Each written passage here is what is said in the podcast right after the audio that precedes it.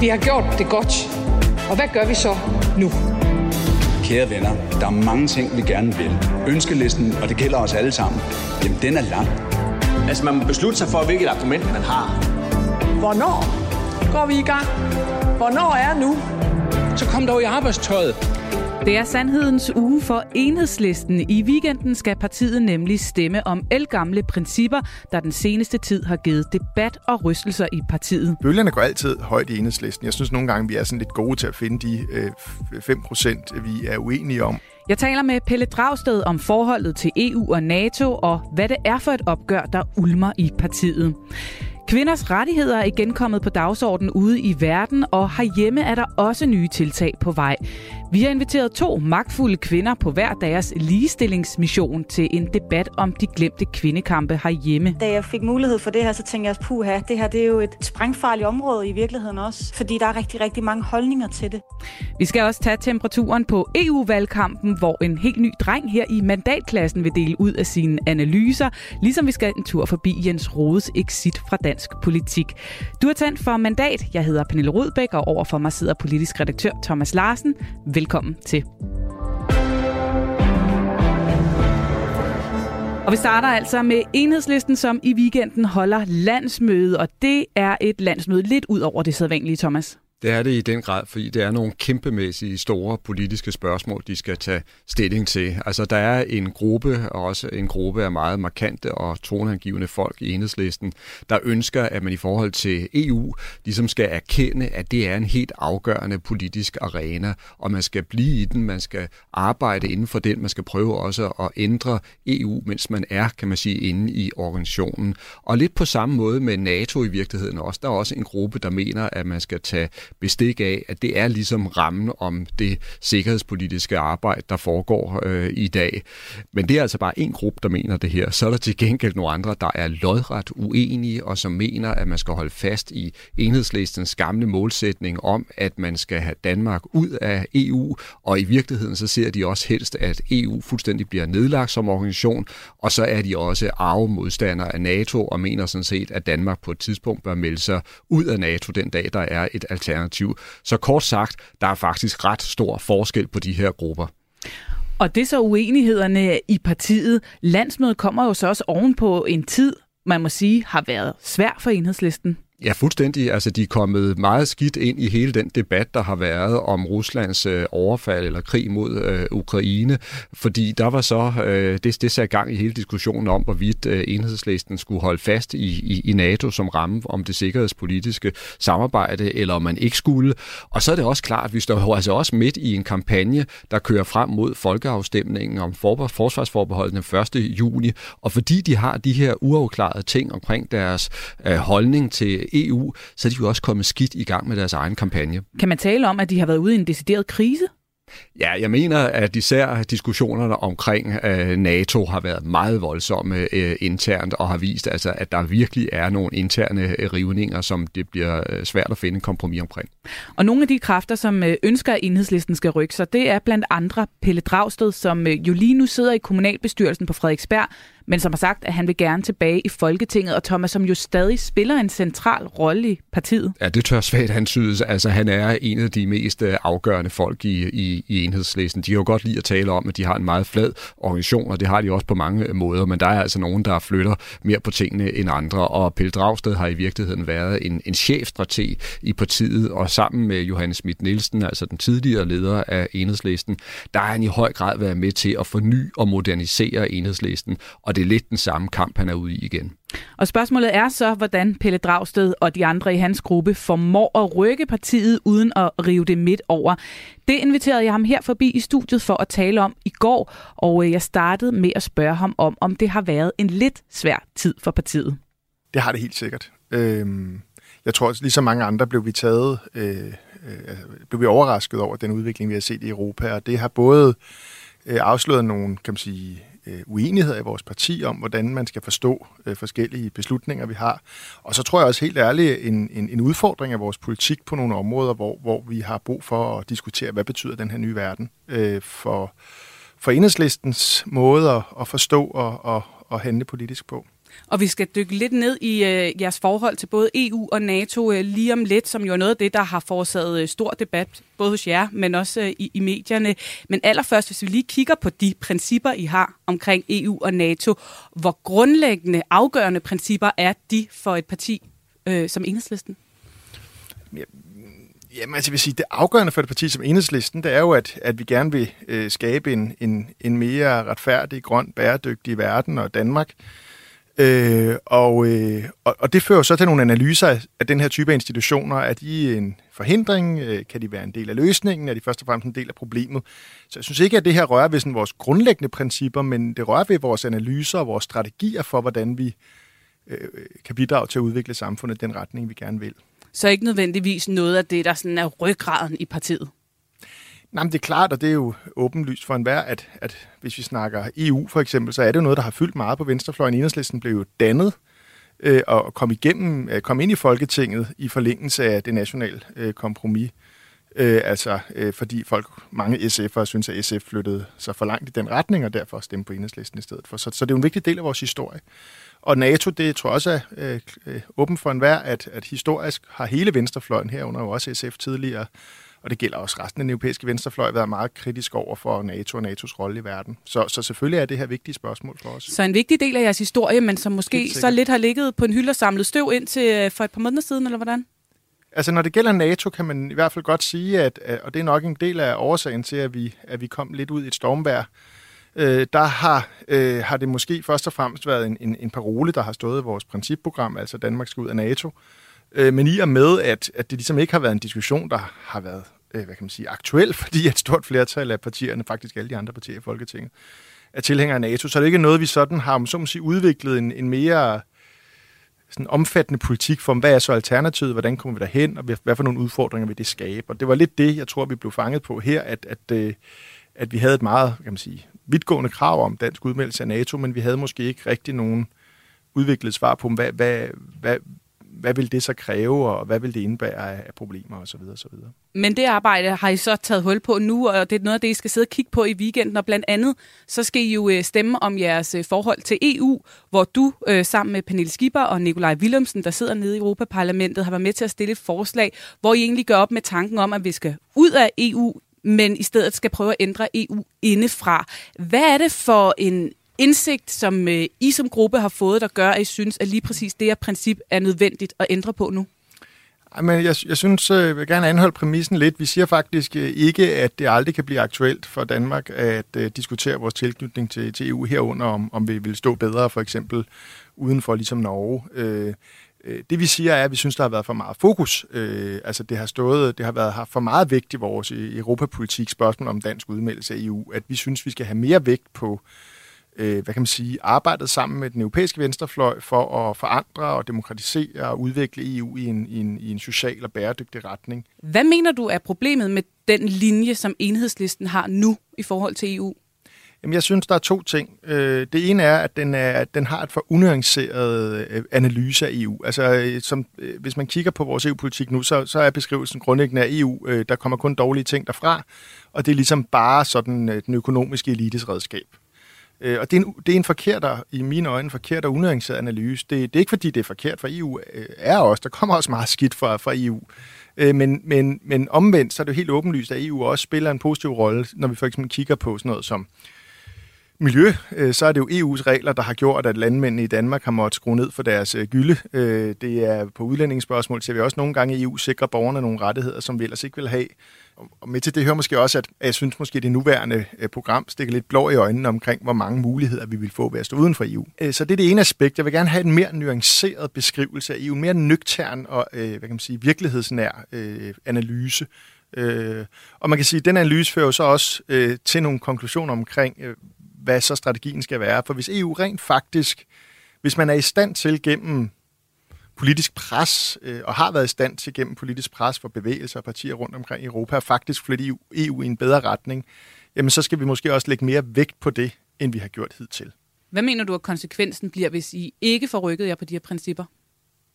Det synes jeg vil være ærgerligt, for jeg synes, at, øh, at det, vil, det vil betyde, at på en eller anden måde synes jeg, at vores principper vil stå i modsætning til vores praksis, altså det vi i virkeligheden gør. Altså fordi vi arbejder jo hver eneste dag, både i Europaudvalget og ikke mindst Nikolaj Willumsen nede i, i EU-parlamentet, hvor han spiller en, en central rolle i, i, i venstrefløjsgruppen i parlamentet. Vi arbejder jo for forbedringer inden for EU. Men vi har et, vi har et principprogram, som siger, at, at, det, at det nærmest er umuligt. Så øh, virkelighed vil ikke hænge sammen med, med det, der står i jeres program? Nej, altså jeg synes, at, at, at der er en, lige nu er der en kløft mellem den måde, vi siger, at vi analyserer EU på, og så den måde, vi rent faktisk arbejder. Så er der jo spørgsmålet om NATO, som du allerede var inde ja. på øh, indledende her, som jo virkelig har skabt debat, og I har måttet også høre øh, meget kritik fra, øh, fra andre øh, partier, øh, især i set i lyset af den krig, der lige nu foregår i Ukraine, øh, som jo virkelig har gjort øh, spørgsmålet om NATO meget, meget aktuelt. Jeg vil godt lige øh, prøve at spille et, øh, et klip for dig. Vi har nemlig talt med øh, den tidligere socialdemokratiske udenrigsminister, formand for FN, Mogens Lykketoft, øh, om hvordan han ser jeres forhold til NATO, og det udlægger han sådan her. Jeg hører tonerne sådan, at man forstår udmærket med det, der sker med Sverige og Finland, at det nordiske alternativ, som vældig mange øh, har ønsket sig på venstrefløjen, det kommer i fremtiden til at eksistere, men det bliver inden for NATO, og det bliver inden for EU, når vi forhåbentlig afskaffer forbeholdet. Så du hører det også sådan, at enhedslisten måske med tiden også vil rykke derhen, hvor man ikke længere vil arbejde for en udmeldelse af NATO? Ja, det, det går jeg faktisk ud fra, at det, det bliver ikke nogen aktuel diskussion uh, i, i mange, mange år fra, fra nu med den udvikling, der er sket i Rusland. Er der flere ting i den her analyse, vi lige kan dykke ned i? Lad os øh, starte med, med det første i forhold til, at han jo egentlig regner med, at uh, I så småt er på vej derhen, hvor I også godt kan se, at, uh, at vi skal blive i NATO. Er du enig i hans analyse? Øh, jeg har ikke sådan rigtig selv konkluderet på den diskussion endnu. Altså som sagt, så er det utrolig vigtigt for mig at fastholde en grundlæggende kritik af NATO og en vision om en verden uden hverken NATO eller andre militære stormagter, der om så må sige, gensidigt truer hinanden og opruster og bruger en masse af de penge, vi ellers skulle bruge på klima og velfærd til at, til at købe våben øh, for. Øhm, men, men, men der er ligesom to veje. Øh, den ene er mm. øh, at fastholde en neutral position. Øh, den er blevet sværere, den bliver sværere, og det er jeg helt enig med, med Måns Lykketoft i, hvis Sverige, hvis Sverige og Finland træder ind i NATO. Den anden er at, at, at, at blive i NATO, mens vi arbejder for den her forandring og så forsøge at øh, påvirke NATO. Og det kunne jo være, at det blev nemmere med nogle mere fredelige nationer som, som Sverige, og, altså traditionelt neutrale nationer som Sverige og Finland. Hvis de kom med, kunne det jo også være, at styrkeforholdet i NATO forandrede sig i en positiv retning. Vil du egentlig direkte fraråde Sverige og Finland at melde sig ind i NATO? Ja, altså, øh, jeg er ikke sikker på, at det gør verden mere sikker, at de melder sig ind. Altså, øh, jeg er Men gør det ikke for... deres situation lidt mere sikker nu, hvor de mm. bor lige en spytklat tættere på Rusland, det, end vi det, gør? Det kan man jo diskutere, fordi at det at være neutral betyder jo også, at man ikke bliver inddraget, hvis der, hvis der kommer den her forfærdelige øh, konflikt øh, mellem, øh, mellem supermagter, som jo, og det skal vi huske, når vi snakker om alt det her med oprustning, altså kommer det til krig mellem NATO og, og, og Rusland, jamen så er det jo den sidste krig, vi kommer til at opleve. Det er faktisk det sidste, vi overhovedet kommer til at opleve, fordi så er vi bare ikke længere her på jorden. En pointe, som han også gentager et par gange, som jeg også øh, godt kunne tænke mig at slutte med at spørge om her, fordi det, man måske kunne få indtrykket af, af er, at, at I er i gang med at tage nogle små skridt. Det er nuancer, det er museskridt øh, hen imod øh, lidt mere NATO, måske endda lidt mere øh, EU. Er sandheden i virkeligheden, at det er for stor en mundfuld for enhedslisten som parti, at skulle rykke sig både på EU og NATO på én gang, men at det skal komme meget gradvist, fordi det ligger så, så dybt forankret i jer? Jeg tror bare, at, at jeg tror bare, jeg er uenig i den der meget sådan sort-hvid, enten er man for, eller også er man imod. Altså, verden er kompliceret. Øh, så, så jeg, jeg tror ikke, man skal se det på den måde, men det er da rigtigt nok, hvis jeg skal gå lidt med på din tankegang, at Enhedslisten er jo et, øh, i modsætning til mange andre partier, et reelt medlemsstyret parti. Vi har faktisk årsmøder, hvor det er medlemmerne, der bestemmer politikken. Det er ikke bare sådan nogle klappechancer, ligesom man ser i mange andre partier. Øh, og, og derfor øh, så kræver forandringer øh, store og grundige diskussioner. Men det jeg virkelig også spørger om, det er jo, man har sagtens kunne læse, at der også er forskellige holdninger i partiet. Du Helt står sikkert. for en position, der er nogen, der har en anden position, og I har hele den historie, som du også øh, nævnte øh, i starten af interviewet. Er der en risiko for simpelthen at rive enhedslisten over på midten, hvis man rykker for hurtigt på de her spørgsmål? Øhm, det håber jeg ikke. Altså, det er jo blandt andet derfor, jeg selv har været med til at stille et, et kompromisforslag, kan man sige, på EU. Det er jo, at jeg synes jo, at Og er det netop for at bygge den bro, ja, så ikke det, bliver revet over? Jamen det er det i høj grad. Altså, det er både fordi, jeg synes, det er en fornuftig politik, men det er også fordi, at det er vigtigt for mig, at, øh, at vi i enhedslisten, vi er enige om det meste. Som jeg sagde med EU, vi sådan set, tror jeg næsten alle sammen ret enige om analysen af EU, og jeg synes, det vil være helt åndssvagt, at vi på grund af de her uenigheder øh, splittet op. Enhedslisten er jo et samlingsparti, som øh, kommer af en meget splittet venstrefløj, og jeg synes, det er vigtigt, at vi, vi, vi holder sammen. Øh, og det er derfor, at når vi flytter os i enhedslisten, så gør vi det gennem grundige demokratiske øh, debatter, hvor folk øh, bliver hørt, og folk er med, og folk til sidst træffer beslutningerne, altså medlemmerne gør. Vi kan her til sidst lige nå en sidste analyse fra Mogens ja. Lykketoft. han har nemlig også gjort sig lidt klog på, hvad han tror, der sker, hvis I ikke kommer til at rykke jer på de her principper. Jamen, så tror jeg, at partiet skal se i øjnene, at de langt fra er det største parti på venstrefløjen længere. De har jo ellers næsten været i færd med at blive større end SF i meningsmålingerne øh, frem til, til den her krig brød ud. Men øh, efter det, så har de jo tabt terræn, fordi det viser sig jo, at hvad der står i enhedslistens gamle program, øh, ikke øh, harmonerer med, hvad deres yngre og toneangivende medlemmer oplever, synes, tror på nu i dag i 2022. Er det øh, den rigtige udlægning, han kommer med her, Pelle Dragsted? Øhm, Altså, jeg tror, det er meget både og. Altså, jeg tror, det er utrolig vigtigt, at, øh, at man som parti er i stand til at flytte sig, når verden øh, rundt om en ud, øh, udvikler sig. Men det er også utrolig vigtigt, at man holder fast i nogle grundlæggende principper. Øh, jeg, tr- jeg tror, det bliver en fordel for enhedslisten, for eksempel, at vi ikke ligesom SF er gået med i et nationalt kompromis. Og selvom som, det koster som, nu? Som, ja, selvom det måske koster nu, øh, som indebærer, at vi skal bruge 18 milliarder kroner om året på våben øh, som i øvrigt ikke vil gøre truslen for Rusland mindre, fordi man kan alligevel ikke vinde en konventionel krig over en atombevæbnet magt. Så de, de der 18 milliarder er jo penge, der går for klimaindsatsen, det er penge, der går for børnehaverne, det er penge, der går for jordmøderne ude på fødegangene. Og jeg er sikker på, at når vi kommer i gang med den diskussion, ja, ja man skal aldrig være sikker, men jeg har en øh, øh ret solid tro på, at det vil øh, igen, øh, hvad kan man sige, øh, betyder, at enhedslisten står som, som det klart stærkeste parti på, øh, på venstrefløjen. Men kan der ikke være noget om den her analyse af, at enhedslisten de seneste år vokset sig så stor og appellerer til så mange nye unge vælgere, som måske lidt har glemt eller ikke har været klar over, mm. hvor I egentlig stod på meget centrale sikkerhedspolitiske spørgsmål omkring NATO og EU, og nu er partiet faktisk lidt ude af trit med den nye gruppe øh, i mm. den verden, vi står i i dag? Faktisk har der altid været en, en, en, en kløft, når man måler på i partier mellem øh, på vores EU-politik. Det har delt vores vælgere altid. Øh, og, og, og når det gælder NATO, har vi ikke målt på det, men jeg kunne måske forestille mig, at det øh, kunne have været det samme. Øh, Øh, det, det, der er sket lige nu, er jo pludselig, at et spørgsmål, som har været perifært, altså spørgsmålet om NATO, har jo ikke været noget, vi har gået og diskuteret i Danmark i de sidste 20 år nærmest, at det pludselig blev meget centralt på grund af Ruslands invasion. Og det, og det har helt klart, øh, hvad kan man sige, betydet, at for nogle mennesker, så er et spørgsmål, som ikke betød så meget, betyder pludselig meget. Og det, det er noget af det, vi kan se, at vi i en periode i hvert fald faldt lidt i meningsmålingerne. Jeg vil så lige nævne, at i de seneste meningsmålinger går vi altså frem og er større end SF. Der er både Gallup og, øh, og Megafon. Så fik, du, øh, så fik du lige det med, Pelle Dragsted. Nu er der øh, landsmøde topmøde i, øh, i weekenden. Hvad er dine forventninger til, hvor øh, højt bølgerne kommer til at gå der? Der er jo nok mange, der kommer til at sidde og følge spændt med. Hmm. Mm. Bølgerne går altid højt i enhedslisten. Jeg synes nogle gange, vi er sådan lidt gode til at finde de øh, 5 procent, vi er uenige om, og så skændes som dem frem for at fokusere på de øh, 95 procent, vi er enige om. Men altså, det tror jeg er en del af demokratiet. Jeg glæder mig til at se, øh, hvad hedder det, kammerater fra, fra hele landet, og og være med til at udvikle enhedslistens politik, og jeg håber, vi står et stærkere sted, når vi er færdige. Ja, sådan lød det altså øh, fra Pelle Dragsted, da han var forbi mig her i studiet i går. Og Thomas, det blev, blev berørt lidt i interviewet, du var også inde på det inden, men prøv lige at tage os helt med ind i, øh, i enhedslisten partiet. Hvad er det for nogle øh, forskellige grupperinger, fraktioner, kræfter, der er på spil? Jamen, det er jo helt åbenlyst, at der er nogen, der ønsker at justere partiets politik i forhold til NATO og i forhold til EU. Og det er netop altså sådan nogle øh, stærke øh, folk øh, som Pelle Dragsted, der tidligere har været med til at modernisere partiet og i virkeligheden også bane vejen for en stor del af den succes, som partiet har i dag i forhold til større og bredere vælgergrupper.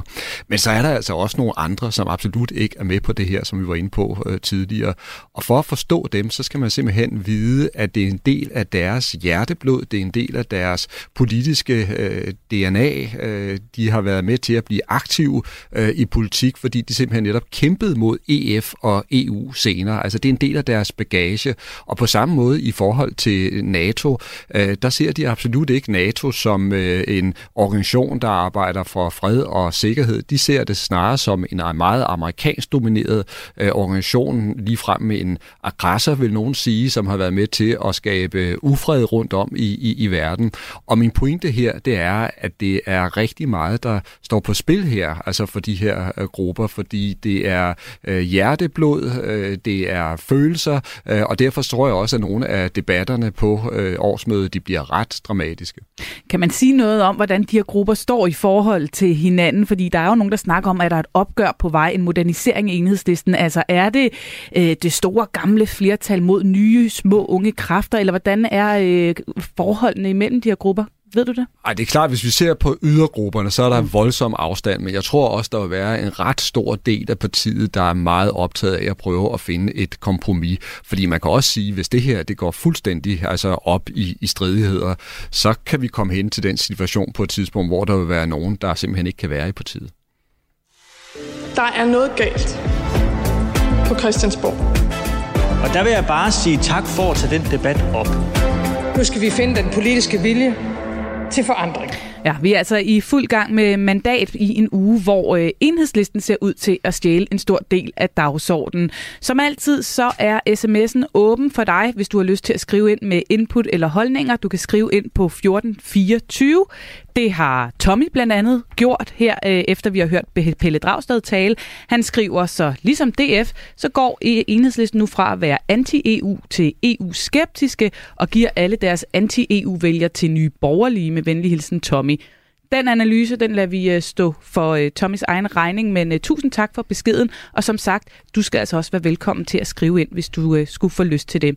Vi har andet, meget andet godt på programmet til dig i resten af udsendelsen. Vi skal blandt andet høre en minister og en borgmester debattere de glemte kvindekampe herhjemme, og så skal vi altså også runde endnu et farvel i dansk politik, som måske kan koste et parti drømmen om en plads i Folketinget.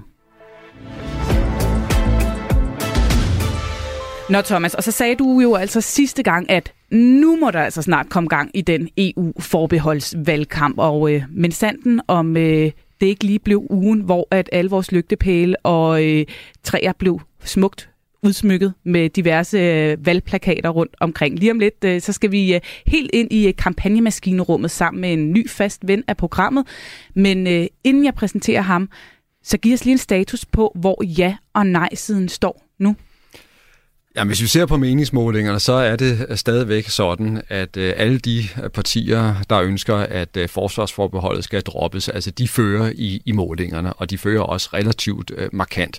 Men samtidig så ved vi også, det er først, når vi kommer frem til stregen, ikke, at det hele bliver øh, afgjort, og så er der en kæmpe gruppe af tvivlere derude. Det kommer vi også til at se meget nærmere på om, om, om lidt. Ellers så kan man sige, at, øh, at øh, ja-siden, altså dem, der ønsker at få øh, forsvarsforbeholdet holdet væk, øh, de fik så lidt af en øh, fæl øh, overraskelse, fordi pludselig opstod der store diskussioner nede i Bruxelles, primært med, med kommissionen som drivkraft, men også stærke kræfter i parlamentet, som ligesom argumenterede for, at Europa samlet set skal rykke kraftigere og mere magtfuldt også i sikkerhedspolitikken. Og så har der opstået diskussioner om, hvorvidt at netop hele øh, de vigtige sikkerhedspolitiske beslutninger fremover måske skal træffes med altså enstemmighed. Og det går jo fuldstændig ind i den debat, som er så følsom herhjemme, der handler om, at vi selv skal bestemme, hvor vi vil være med, hvor meget vi vil være med, når det handler om øh, øh EU's øh, forsvarsdimension. Så det var en rigtig, rigtig dårlig nyhed, der kom fra ja-siden der. Det hører så med til den her historie, at øh, statsminister Mette Frederiksen og i øvrigt stort set øh, Øh, alle ja-partierne og også en stribe uafhængige forskere har sagt, at det her, det kommer simpelthen ikke til at ske. Og ligesom det også hører med til historien, at der er en hel serie af lande, der fuldstændig altså har sagt øh, nej til det her og vil bekæmpe det med næb og klør. Men pointen er, at der er igen kommet et af de her punkter ind i debatten, som er meget svære at håndtere for ja-siden. Så endnu, en, øh, endnu et bump på vejen til, til ja-siden her, øh, ja, tre ugers tid før, at vi alle sammen skal stemme. Og så kan jeg sige velkommen til dig, Valdemar Osted. Hej. Du er jo øh, vel det, man kan kalde politisk øh, sociale medienørd. Du har jo den her hjemmeside, der hedder politiskannoncering.dk og en tilhørende Twitter-profil, hvor du jo sidder og tracker alle de øh, annoncer og kampagner, som politikerne lægger ud. Derudover så arbejder du også som øh, kampagnekonsulent, sidder blandt andet og, og, laver noget kampagne for SF en gang imellem. Og vigtigst af alt, så har du jo sagt ja til en gang imellem at komme herind og være vores øh, øjne øh, på dansk politik på de sociale medier. Det er vi glade for. Jamen, det er fedt at være her. Tak. Og, og nu startede vi jo med at, at snakke lidt om den her EU-valgkamp, som er skudt i gang, og det er også det, vi skal tale om nu. Øh, vi kan jo se, at valgplakaterne som sagt er kommet op og hænge, men, men meget af valgkampen foregår jo netop også på de sociale medier. Helt overordnet, hvordan hænger de kampagner, vi ser ude på vejene, sammen med det, vi ser på øh, de sociale medier? Altså, det er jo det store spørgsmål, for de gode kampagner er gode til at koble dem sammen. Øhm, men det, der ligesom er vigtigt på sociale medier, det er, at man kan prøve at udfolde nogle af de her slogans, som man ser øh, ude på valgplakaterne. Så det er altså en valgplakat, der er jo måske øh, 3-5 ord. Så en, på sociale medier, der kan man vise en video, hvor man måske udfolder det og prøver at konkretisere øh, sloganet for vælgeren. Så er det på en eller anden måde en pingpong mellem det, man ser på Somi og det, man ser ude på valgplakat, øh, på lygtepælene. Mm-hmm. Og jeg ved, at du er faldet over et meget konkret eksempel på, hvordan de digitale kampagner faktisk har haft direkte indflydelse på de budskaber, vi nu ser ude på vejene. Ja, altså hvis man kiggede på Venstres annoncer i marts, så, øh, så kan man faktisk se, at de testede de forskellige valgplakater, de overvejede. Øh, og det vil sige, så tænker man, okay, hvad vil det sige, at man lige tester øh, en valgplakat? Men, men Venstre har testet seks forskellige øh, typer af valgplakater, og så øh, kan man så se nu, at en af dem er blevet til den valgplakat, vi ser i dag. Så de har altså haft annoncer ude på de sociale medier med forskellige billeder og forskellige budskaber, og så har de set, hvad for en, der fik bedst flest likes eller noget til fleste, eller hvordan? Ja, altså typisk så vil man kigge mm. på, hvor mange interaktioner den har fået. Så det kan jo også være, hvor mange kommentarer og hvor mange delinger. Og hvad var det, de testede, og hvad vandt? Altså, de testede to forskellige billeder. Det ene billede var et billede af et, øh, en camouflagebaggrund med et Dannebro på, ligesom vi ser på vores soldater. Og det andet billede var det billede, vi ser på valgplakaterne nu, som er øh, et Dannebro, der svejer i himlen med en blå baggrund. Og så havde de tre forskellige budskaber, som det ene budskab var, det handler om frihed. Det andet budskab, det handler om vores frihed. Og så det tredje budskab hedder Pas på Danmark. Mm. Og de her seks forskellige annoncer har de så testet, og så øh, må vi jo ligesom gå ud fra nu, at den, den annonce, der vandt, det var øh, Dannebro med Pas på Danmark. Det var simpelthen, øh, og jeg, jeg kan i hvert fald godt se den for mig. Jeg har set den flere gange, når jeg cykler afsted. Den her øh, meget blå himmel, det røde øh, Danmarks flag, og så pas på Danmark. Der er også flere øh, vælgere, som øh, vi har haft en reporter ude at snakke med, som har lagt mærke til øh, netop den her plakat. Og prøv lige at høre, hvad de tænker om den. Det betyder nok, at udlændingen skal smides ud, det tror jeg. Fordi det er det, der er blevet brugt mange gange. Bevare Danmark og sådan nogle ting. Men ellers så er det jo fint flag, og det, det er et godt billede men det bliver bare misbrugt forkert. Det, det er man er overhovedet ikke i tvivl om. De siger selvfølgelig, at man skal stemme ja.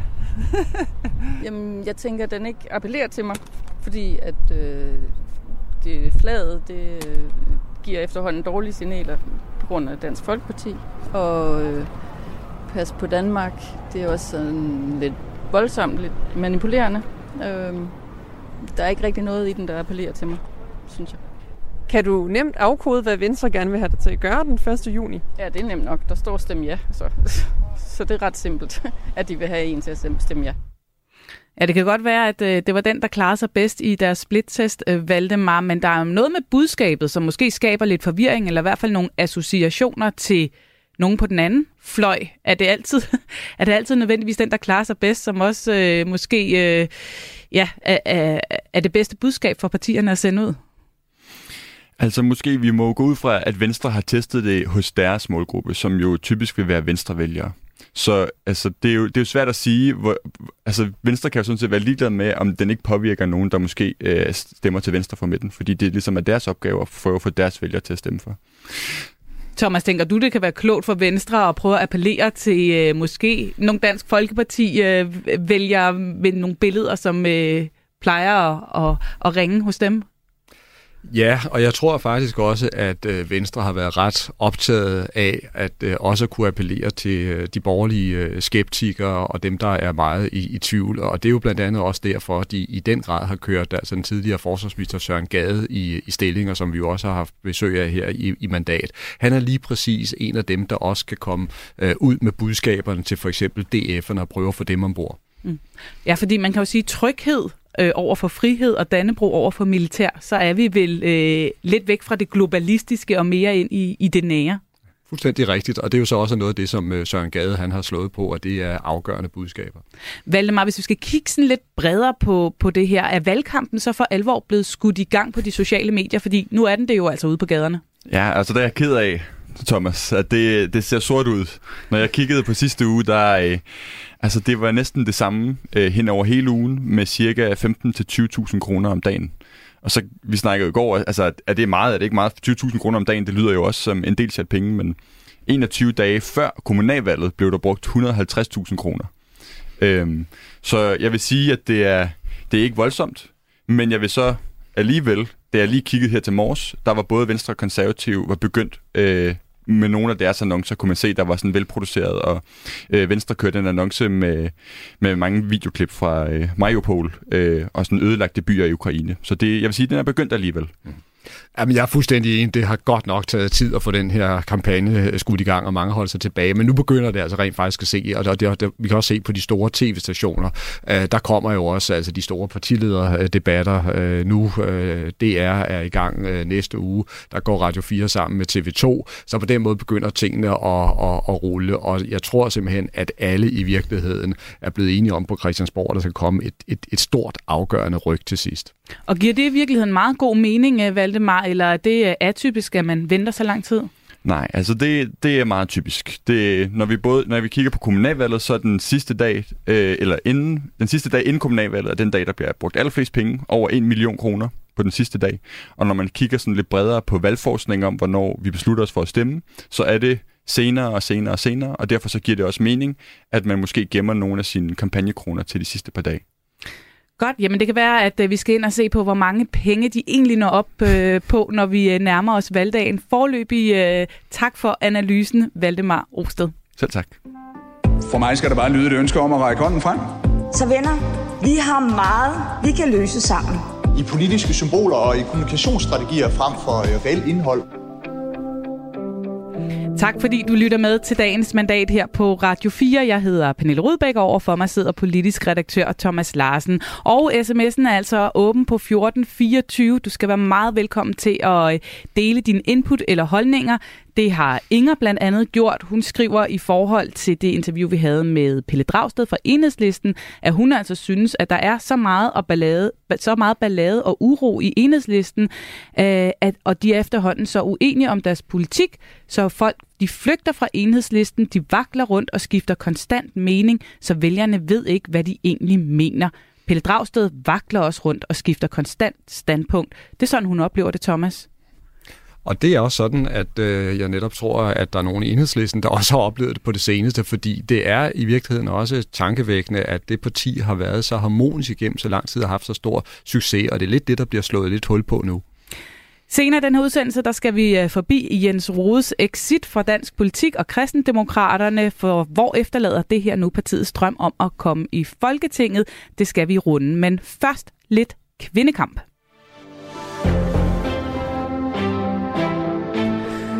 Ja, for lige nu så øh, raser debatten om kvinders ret til egen krop, både i USA, hvor et flertal i højeste ret altså har banet vejen for, at et stort antal delstater kan vælge at afskaffe kvinders ret til abort, og også herhjemme, hvor det har sat fod i debatten om kvinders rettigheder og ligestilling. Og inde på Christiansborg, Thomas, der er der altså også ligestilling på dagsordenen, sådan som jeg forstår det. Ja, det er fuldstændig øh, rigtigt. Altså, der er faktisk gang i nogle øh, spændende og vigtige øh, projekter, som øh, netop skal styrke kvinders øh, rettigheder og position.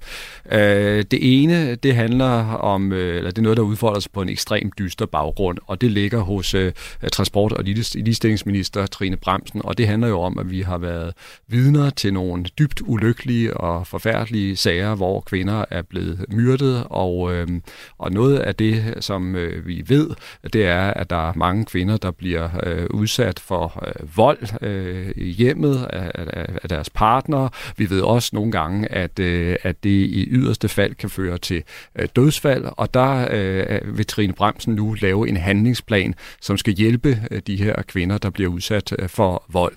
Og så er der også øh, gang i et, øh, øh et øh, udvalgsarbejde, kommissionsarbejde, øh, der handler om den glemte kvindekamp kamp, som det kaldes. Og det handler især om den undertrykkelse, sociale kontrol, som øh, kvinder i øh, visse indvandrermiljøer bliver øh, udsat for. Og der er man simpelthen enige om, altså på Christiansborg i langt de fleste partier, at det skal høre op. Men hvordan man skal stoppe det, det er det, man skal finde ud af. Og øh, i front for den her kommission, der sidder Christina Krysjak Hansen, som jo er socialdemokratisk borgmester i Holbæk, men altså også formand for den her kommission. Og jeg har taget en snak med hende og med ligestillingsminister Trine Bremsen om øh, de øh, glemte kvindekampe, som de hver især sidder med. Og jeg startede med at spørge ligestillingsminister Trine Bremsen om, hvilket eksempel i hendes arbejde, der har gjort størst indtryk på hende. Jeg synes, noget af det, der har gjort størst indtryk på mig, er at, at møde kvinder, der øh, gennem lang tid har været udsat for vold, øh, og øh, hvor de ender med at være i livsfare, øh, og øh, efterfølgende siger øh, naboer og familie, at de vidste egentlig godt, at det var helt galt. Det har også gjort stort indtryk på mig, at Hvidovre Hospital, der har startet øh, screeninger for vold øh, under jordmorsamtalerne, at de hver eneste uge finder tre par, som der er udsat øh, for, øh, for, for vold, eller hvor der er vold i, øh, i parforholdet. Kan du sætte nogle tal på, hvor, hvor stort er omfanget af det her problem med, med partnervold og partnerdrab her i Danmark? Jamen altså, de, de, de seneste tal, vi har, det, det siger 38.000 kvinder, øh, der, der er udsat for vold årligt. Vi har en forhåbning om, at, at det, at vi er begyndt at have et større fokus på det, at det har fået tallene til at, at øh, gå ind i en, i en anden retning. Men hvad, hvad der i hvert fald er konstant, øh, det er, at øh, hvert år øh, der er det cirka 12 kvinder, der, øh, der bliver dræbt af deres partner. Og, og det understreger jo alvoren i det her, og hvorfor at vi, vi skal have brudt tabuet, øh, både fordi volden i sig selv ikke er rimeligt, den kan ødelægge kvinder og børn, men i værste fald kan den altså også føre til, til drab. Og hvad får det her der til at tænke om, hvor vi her i Danmark er med kvinderettigheder og ligestilling, nu hvor vi skriver 2022? Jeg tror, en af årsagerne til, at vi har lukket øjnene øh, over for, øh, for partnervold, øh, grunden til, at vi ikke er særlig gode til at spørge ind til, til volden, selvom vi har mistanken hos familiemedlemmer eller veninder eller naboer, det er, fordi vi er et ligestillet land. Og, og derfor er at det her tabu nok også opstået, fordi det bryder med, med billedet af, at vi er ligestillede kvinder, der godt kan sige fra, som har rettigheder. Det bryder også med billedet af, at man har et, et godt øh, parforhold, og det vil vi helst ikke øh, gå ind og blande os i, fordi vi jo i Danmark har retten til at forlade en partner, hvis det er, at vi, øh, at, at, at, at vi ikke bliver behandlet ordentligt. Og det tror jeg altså er kommet til at, at, at, at skabe det her tabu, hvor det er blevet noget, der er pinligt, og som man helst ikke øh, vil, vil blande sig i. Og, og det er det, vi skal have gjort op med. Så er der noget her, vi ikke taler om, og vi vender tilbage til, til hvad grundene kan være, øh, i forhold til, at vi ikke taler om det. Det her med, at der også er en vis berøringsangst øh, forbundet med det. Men inden vi gør det, så vil jeg gerne have dig på banen også, Christina Krysjak Hansen. Du sidder som sagt som formand for, for Kommissionen for den glemte kvindekamp, som den er blevet kaldt, og øh, skal altså finde løsninger på social kontrol i minoritetsmiljøerne herhjemme. Allerførst, prøv lige at komme med et eksempel på, hvad er social kontrol for en størrelse? Hvilket eksempel er du stødt på, som har gjort størst indtryk øh, på dig, og som illustrerer øh, det her problem? Jamen først og fremmest, så er det vigtigt for mig at sige, at øh, social kontrol, det er jo én ting. Det vi her har, har med at gøre, det er det, vi kalder æresrelateret social kontrol. Øhm, og det ser vi desværre rigtig, rigtig mange steder i vores samfund i dag. Nogle steder er det mere tydeligt end andre. Noget af det, der har skræmt mig rigtig meget, det er, at sådan noget som genopdragelsesrejser, altså piger, helt unge piger, der bliver sendt til andre lande, hvor de kommer afsted og oplever ting, som ingen piger eller mennesker for den sags skyld skal opleve. Tvangsægteskaber, øh, at de ikke må have kontakt til deres venner og familie herhjemme. Og det er, det er et kæmpestort problem. Vi oplever det også i vores skoler, hvor der er øh, mange piger, som ikke må være med til svømning, for eksempel. Når de får deres første menstruation, må de ikke længere være med til idræt. Øh, og det her med hele tiden at få at vide, at der er noget, man ikke må, fordi man er pige. Det er jo det, vi skal have taget et opgør med. Og så jeg kunne blive ved i virkeligheden med at nævne, hvordan det her finder sted, og nu skal vi gøre noget ved det du kunne blive ved, og der er mange eksempler her, også eksempler, som man jo også har hørt øh, om af til i medierne, som mm. altid skaber en masse debat. Men hvad ved vi egentlig om omfanget af det her? Fordi det kan jo også nogle gange måske være nogle problemstillinger, som bliver blæst meget stort op, øh, uden det nødvendigvis fylder så meget samfundet. Vi ved, at det er et meget stort problem, og det, der er det svære, når vi skal arbejde med det her, det er et af det, vi ved, og så er der alt det, vi ikke så nemt ser, alt det, vi har svært ved at få hånd om. Øh, I virkeligheden det, vi jo kalder skyggetallene. Altså, der går øh, mange piger rundt, både i de store kommuner, vi har i vores land, men også i de helt små og i kommuner som min egen, hvor at det er svært at få i tale sig det her problem, fordi at jeg selv og mange andre også har haft berøringsangst over for det her område. Men øh, i bund og grund så handler det jo om, at man skal stille sig selv spørgsmålet. Hvis der er en pige, der oplever det her, er det så okay? Og det er det ikke. Noget, der går igen hos jer begge, når jeg læser om det arbejde, I, I sidder og laver, det er det her med berøringsangsten fra omverdenen, Trine Bramsen. Hvad er helt konkret problemet med berøringsangst øh, i forhold til at komme de her problemer til livs? Jamen altså, udfordringen er jo, at vi skal tale om det. Øh, og når vi igen og igen hører om naboer, der har været, der godt har vidst, at der har været vold, øh, der hvor det ender med drab, øh, så, så synes jeg jo, det understreger det meget, meget store problem, som vi har. Og, at, og, og det er det, vi skal have brudt, og det kan vi kun gøre, hvis at vi anser det her som et, et samfundsansvar, og også et område, hvor vi, hvor vi har svigtet som samfund, fordi vi altså igennem så mange år har lukket øjnene. Christina Krysjak Hansen, i jeres øh, kommissorium så står der også noget om berøringsangst, nemlig fra myndighedernes side. Er det en problemstilling, som I også sidder og kigger på? Ja, det er en problemstilling, øh, og jeg tror, den findes på rigtig mange niveauer. Det er jo vigtigt at sige, at vi har, vi har også institutioner, som er enormt dygtige til det her, og dem prøver vi jo nu at, at lære noget af. Men vi kommer til at kigge på i virkeligheden, hvordan vi kan få strammet op for den her myndighedsrolle. For man skal bare huske på, at hver evig eneste gang, man ikke sætter ind. Altså hver gang man ikke i virkeligheden hjælper de her piger, så svigter man dem. Og det går ikke. Og jeg vil hellere have sådan set, at man stiller for mange spørgsmål ind i familierne, end at man ikke tør tage den svære samtale, som jeg godt ved, at det er. For igen, det går ud over pigerne, og det, øh, det kan vi simpelthen ikke være bekendt, og det skal vi have ret op på.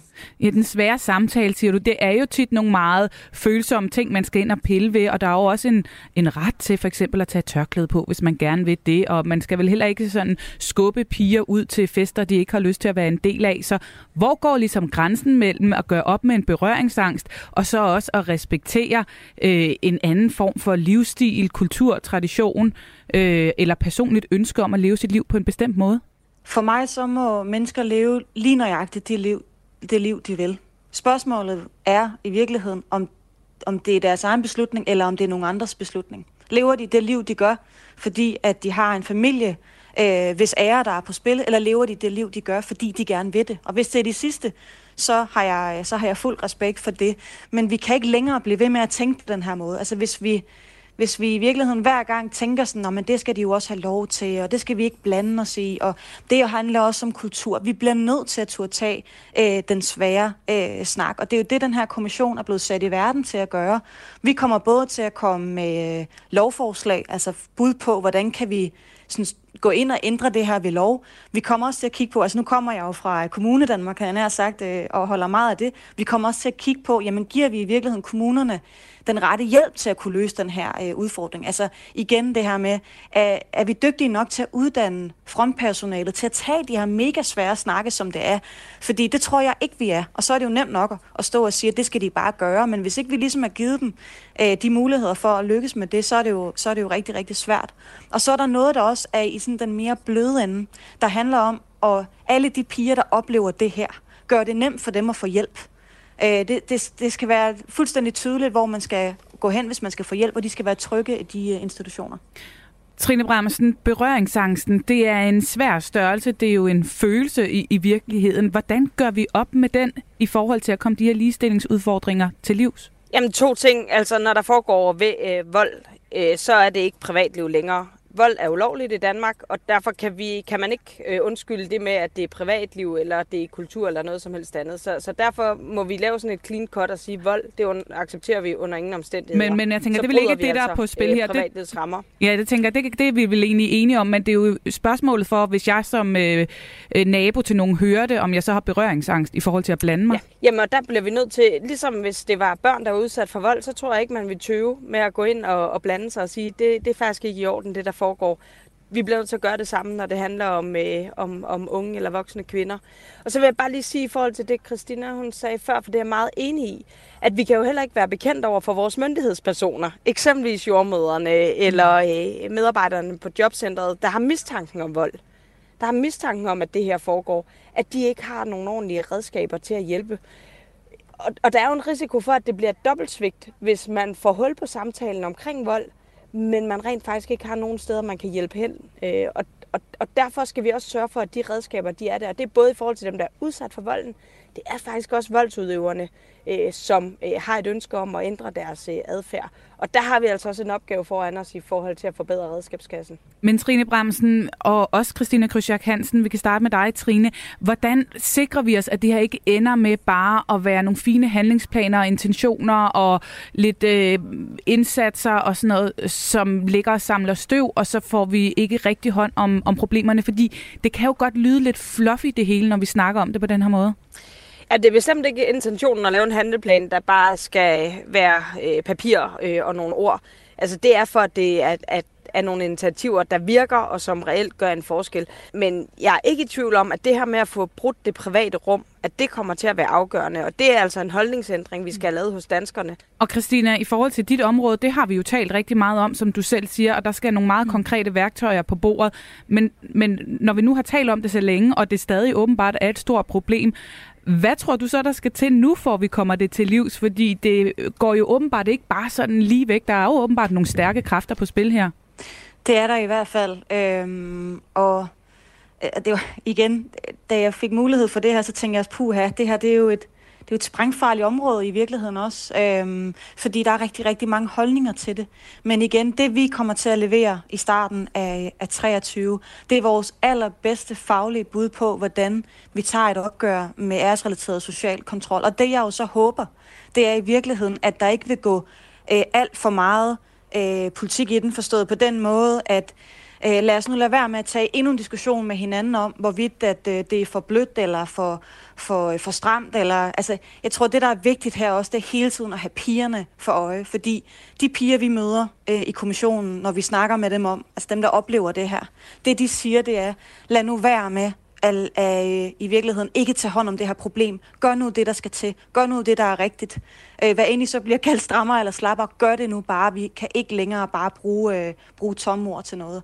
Her til sidst, så kunne jeg godt tænke mig lige at, at løfte jeres blik lidt, fordi nu sidder I så her i Danmark og arbejder med kvindekamp og ligestilling. Men hvis vi løfter blikket og kigger ud i verden, så sker der jo store forandringer på det her område, og også forandringer, som desværre ikke er, for det gode. Vi kan kigge til Afghanistan, hvor Taliban har, har taget rettigheder for kvinder og piger igen. Vi kan også se lige nu, hvordan rigtig mange amerikanske kvinder protesterer over, at øh, retten retten abort måske øh, vil forsvinde for en stor del af dem.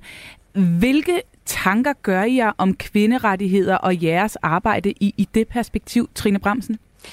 Ja, for mig understreger det, der foregår i USA lige nu, hvor væsentligt det er, at vi øh, formidler, hvor øh, afgørende en rettighed abort er, og hvorfor at vi aldrig må tage, øh, tage ligestillingsværdier for, for givet.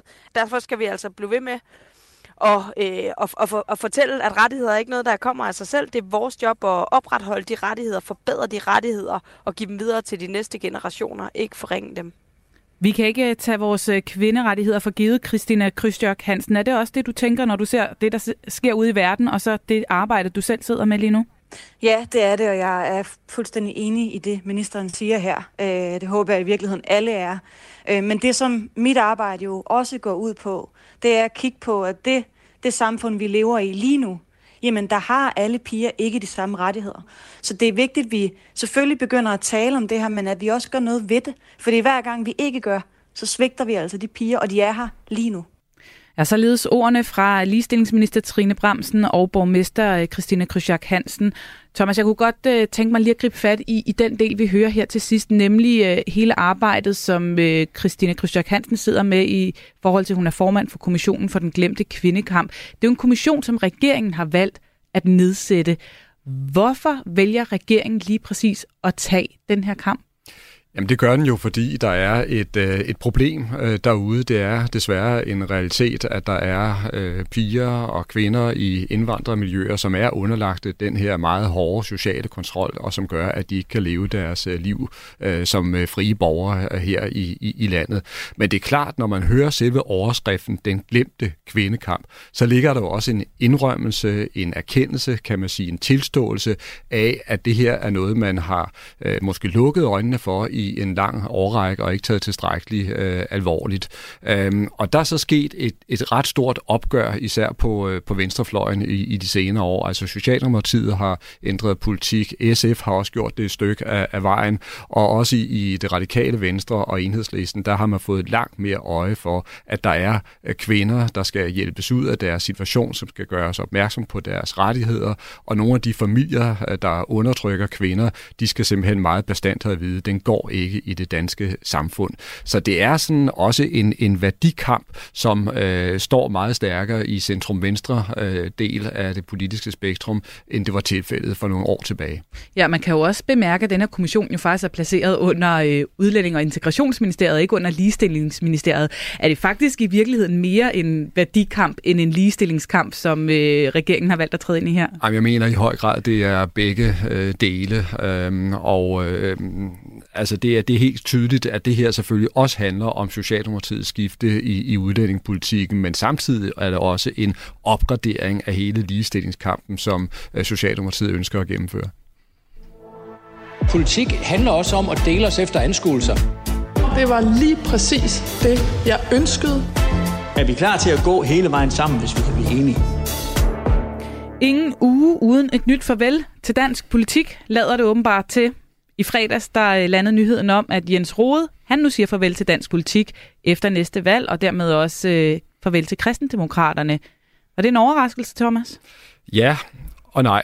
Det var sådan et dejligt klart svar, ikke sandt? Meget analytisk svar, så, ja. Men så, selvfølgelig øh, er det en overraskelse i den forstand, at det er godt nok ikke ret lang tid siden, at Jens Rode han blev en del af kristendemokraterne under stor fanfare, og der var lagt op til, at nu skulle der ske et afgørende ryg for partiet, så du kom i, i, i Folketinget. Så set i det lys, så er det selvfølgelig en kæmpe overraskelse, at øh, han trækker stikket nu og forlader politik. Når det så alligevel ikke rigtig er en overraskelse, så er det fordi, at Jens Rode efterhånden har været igennem en del øh, partier, og hver gang har smækket gevaldigt med, med, med døren. Så derfor har vi også været nogle stykker på Christiansborg, tror jeg, der har været lidt spændte på at se, om det her nye ægteskab mellem ham og kristendemokraterne, om det i virkeligheden vil holde. Ja, for jeg tænkte jo, at han var jo øh, kommet til partiet for netop at skulle sikre dem, at de kom ind ved næste valg. Hvad, altså, det gav jo ikke så meget mening at være med i et parti, for så at forlade det nej, inden valget. Nej, og det her er jo også ret beset en katastrofe for kristendemokraterne, fordi de har bundet rigtig meget op på, at de netop har haft øh, Jens Rode som en øh, stærk og synlig ambassadør på Christiansborg, og han var selvfølgelig også udset til at skulle spille en nøglerolle i partiets kommende valgkamp, fordi han er utrolig stærk i debatterne, han er god til at få opmærksomhed og komme i medierne osv., og, og nu mangler de altså det her kort, og det betyder også, at de kommer til at stå i en meget svær situation i valgkampen. Og lad os lige prøve at, at se lidt på, hvad der kan ligge bag den pludselige beslutning om, at han ikke øh, skal være en del af kristendemokraterne mere. Han siger ligesom to forskellige ting. Han siger dels, jeg er 52 år, jeg vil noget uden for politik, noget med et lavere konfliktniveau, end, øh, end der er i politik. Og så bliver han spurgt ind til det her med abortspørgsmålet, hvor han så siger, jeg står stejlt på kvinders ret til abort. Det sagde jeg også, da jeg meldte mig ind. Og der er ingen tvivl om, at det har været en del diskussion, siden jeg meldte ud om abort 8. marts på kvindernes internationale kampdag, siger han altså til Ekstrabladet. Thomas, hvor stor en rolle vurderer du, at spørgsmålet om abort spiller for hans farvel? Fordi det har han vel sådan set vidst hele tiden, at kristendemokraterne var imod? Det er jo det gode spørgsmål, du stiller der, Pernille, og, og, og sandheden er, at der er jo ikke rigtig nogen af os, der kender øh, svaret, fordi det kan jo godt være, at begge parter egentlig troede, at de havde en, en, en enighed, og måske også fordi de rent faktisk ønskede at blive øh, enige, og ønskede at få det her nye øh, samspil til at, at fungere. Men det vi kan konstatere, det er i hvert fald, at nu er de røget ud i en øh, rå øh, politisk øh, strid omkring det her øh, emne, og selv efter, at øh, Jens Rode jo nu har meddelt, at han er færdig med, med partiet, øh, så fortsætter han rent faktisk med at angribe kristendemokraterne og også øh, Isabella Arn, så der er en rigtig dårlig stemning nu. Vi skal lige høre, hvad øh, formand Isabella Arn siger om Jens Rodes farvel. Jamen, altså Jens er stadig medlem og bidrager også med sin erfaring ind til, til vores dygtige kandidathold, men vi har gode kandidater rundt omkring i hele landet, og jeg er helt overbevist om, at de stadigvæk kan blive valgt til Folketinget, øhm, også uden Jens på holdet selvom jeg som sagt gerne havde set ham som en del af det hold. Men, men vi har mange gode folk. Vi har haft en, en ret massiv mobilisering i gang også de sidste par år øh, i forhold til, til den linje, der blev lagt fra, fra 19-valget og frem også. Og, øh, og det, altså, det begynder jo lige så til at bære frugt i, at vi har nogle stærke hold rundt omkring i hele landet. Der er en god mobilisering i gang, siger hun. Øhm, der er jo også mange, der har kigget mod kristendemokraterne med spænding her, når man kigger i meningsmålinger frem mod et valg, fordi de måske kunne ligge lige der på grænsen, kom ind, ikke kom ind. Tror du, mobiliseringen er så god, at de kan klare den uden Jens Rode helt kort til sidst? Det bliver svært. Jeg tror virkelig, at det bliver en kamp for dem at komme i Folketinget, og det er altså... Øh, ja, jeg, jeg, jeg vil sige, det bliver tungt. Ja, således fløj 55 minutter afsted, og dagens mandat er ved at være slut. Hvad skal vi øh, holde øje med frem mod næste uge, Thomas?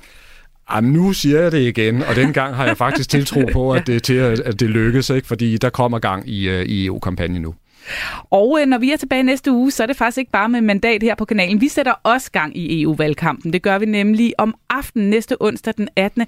Der holder vi en fælles øh, EU-høring sammen med TV2 News. Så lyt både med øh, og normalt kl. 11 her på kanalen, når vi er tilbage med mandat. Men husk også lige at, at lytte med om aftenen, så kan man blive meget klogere på, hvad det handler om. Og øh, så er der faktisk ikke andet tilbage end at sige tusind tak for i dag.